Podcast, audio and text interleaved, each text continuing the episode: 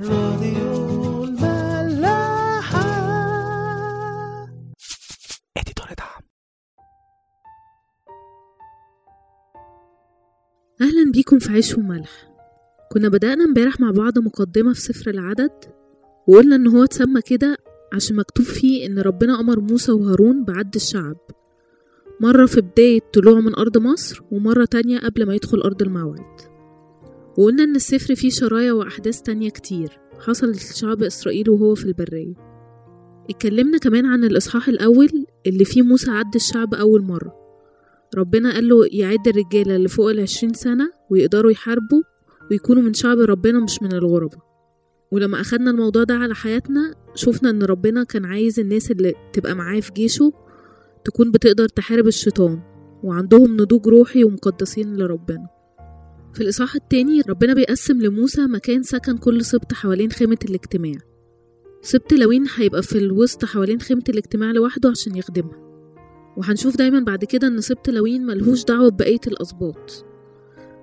وسبط يوسف هيتقسم سبطين اللي هما سبط إفرايم وسبط منسى عشان يرجعوا تاني 12 سبط. ربنا بعد كده بيقول لموسى إن ال 12 سبط هيسكنوا في الأربع الاتجاهات حوالين خيمة الاجتماع.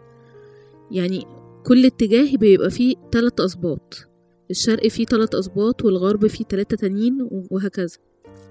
والمكان اللي كل تلات أسباط هيبقوا ساكنين فيه هيبقى اسمه محلة ومرفوع عليه راية خاصة بيه. مكان السكن أو الإقامة ده ما كانش حوالين خيمة الاجتماع على طول. ده كان على بعد كيلو ونص تقريبا منها من كتر ما هي كانت مقدسة. الإصحاح التالت والرابع بيتكلموا عن سبط لاوي. في الأول بيحكي إن هارون وولاده الأربعة نداب وأبيه وألعاذار وأيثمار كانوا كهنة. ونداب وأبيه ماتوا عشان قدموا نار غريبة على مذبح ربنا زي ما شفنا مع بعض في لوين في الإصحاح العاشر. بعدها ما بقاش فيه إلا هارون وألعازار وإيثمار كهنة. فربنا بيقول لموسى إن سبط لاوي هو اللي هيبقى معاهم بيساعدهم وهيبقى مخصص لخدمة خيمة الاجتماع مسؤول عن كل حاجة جواها وعن حراستها. لما شعب إسرائيل خرج من أرض مصر ربنا قال لموسى إنه يقدس كل بكر لربنا من الناس ومن الحيوانات عشان دايما يفضلوا فاكرين إن ربنا خلص أبكارهم من ضربة موت الأبكار الضربة الأخيرة اللي ربنا بعتها على فرعون والمصريين. هنا ربنا بيقول لموسى إن سبط لاوي ده هيبقى فدية مكان كل أبكار الشعب وهيبقى هو اللي متقدس ومتخصص لربنا بدلهم. وبيقول له يحصرهم ويعدهم برضو عشان يقسم الشغل عليهم ويسكنهم حوالين خيمة الاجتماع.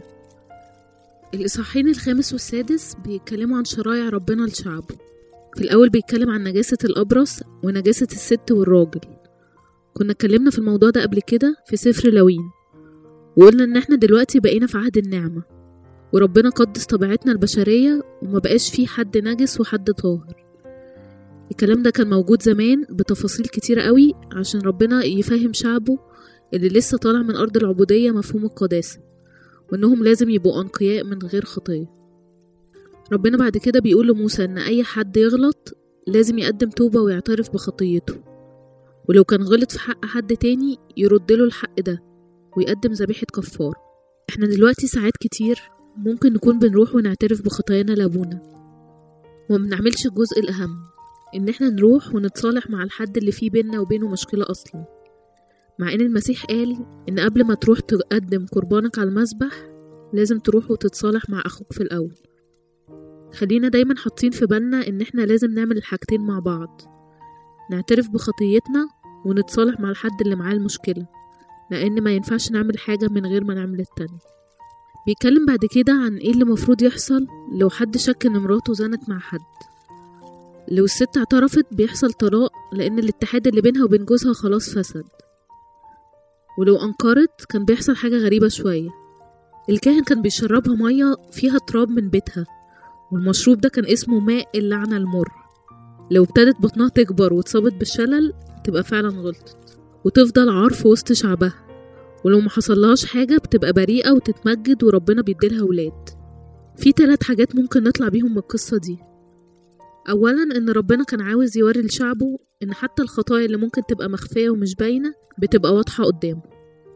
ربنا كان عاوز يوري شعبه إن حتى الخطايا اللي ممكن تبقى مخفية ومش باينة لأي حد تاني بتبقى واضحة قدامه. وإن الواحد لو اعترف بيها الموضوع كان بينتهي عند كده. لكن لو أصر على نكرانه لخطيته ربنا كان بيسمح إن هي تنكشف قدام الناس عشان يتوب ويرجع. في نفس الوقت ربنا ورانا العكس. إن لو في حد مظلوم ربنا بيظهر الحق وبيخليه كمان يتمجد في وسط الناس اللي حواليه ويجيب ثمر تاني حاجة هي علاقة الراجل بمراته أصلا.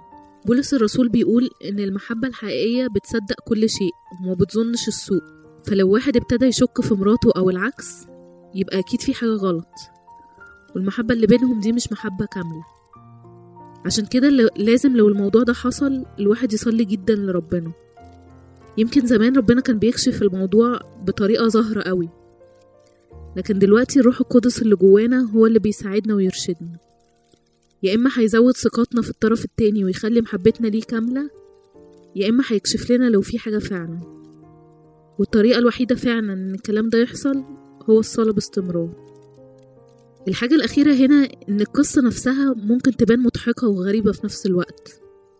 إحنا لو لاحظنا هنلاقي ان إحنا كتير ممكن نكون بنضحك أو نتريق على عقيدة أو ايمان حد تاني. مع انه لو فتح الكتاب المقدس ممكن يعمل نفس الحكاية معانا. لو روح ربنا مش جواه وبيفسر الكلام المكتوب. فخلونا ما نسخرش ابدا من عقيدة أو إيمان أي حد. الإصحاح السادس بيتكلم عن الناس اللي نظروا نفسهم لربنا. الناس المخصصة والمقدسة لربنا زي شمشون وصمويل ويوحنا المعمدان مثلا. بيقول إن هو مفروض ما يقربش الخمرة أو أي شرب أو أكل تاني ممكن يسكره. مش عشان فيهم حاجة غلط بس عشان يلتفت للأكل اللي المسيح قال عليه في يوحنا أربعة لما قال طعامي أن أعمل مشيئة الذي أرسلني وأتمم عمله كمان النذير ده ما كانش بيحلق شعره وبيسيبه بيطول. رمز إن هو بيترك العالم بكل انشغالاته. وما كانش بيقرب لأي حد ميت حتى أقرب الناس ليه عشان المفروض إن هو ما يخليش الحزن يبعده عن رسالته.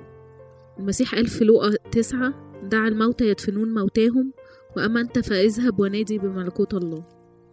ولو حصل النذير ده لمس ميت وتنجس كان بيروح يقدم ذبيحة خطية ومحرقة ويبدأ نذره تاني من أول وجديد. عشان يبقى عارف إن هو مكرس لربنا ولازم يبقى على طول نقي ومقدس. مفيش أي حاجة أو أي خطية مفروض تنجسه. النذير عامة زمان كان بيبقى له مدة معينة بيبقى فيها نذير ومخصص لرسالة معينة. وبعد ما المدة دي تخلص كان بيقدم ذبايح وتقديمات ويحلق شعره ويشرب خمر. رمز للفرح اللي هيعيش فيه بعد التعب والحزن اللي استحملهم عشان يتمم رسالة ربنا في حياته. في العهد الجديد في سفر الرؤيا إصحاح سبعة يوحنا الحبيب بيقول وأجاب واحد من الشيوخ قائلا لي هؤلاء المتسربلون بثياب البيض من هم ومن أتوا؟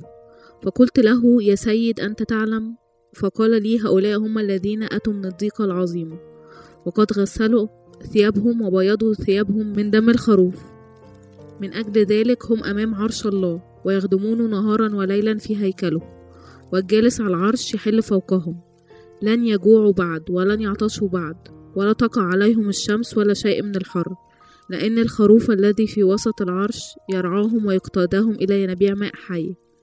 ويمسح الله كل دمعة من عيون. نشوفكم بكرة. راديو ملاح. editoriata.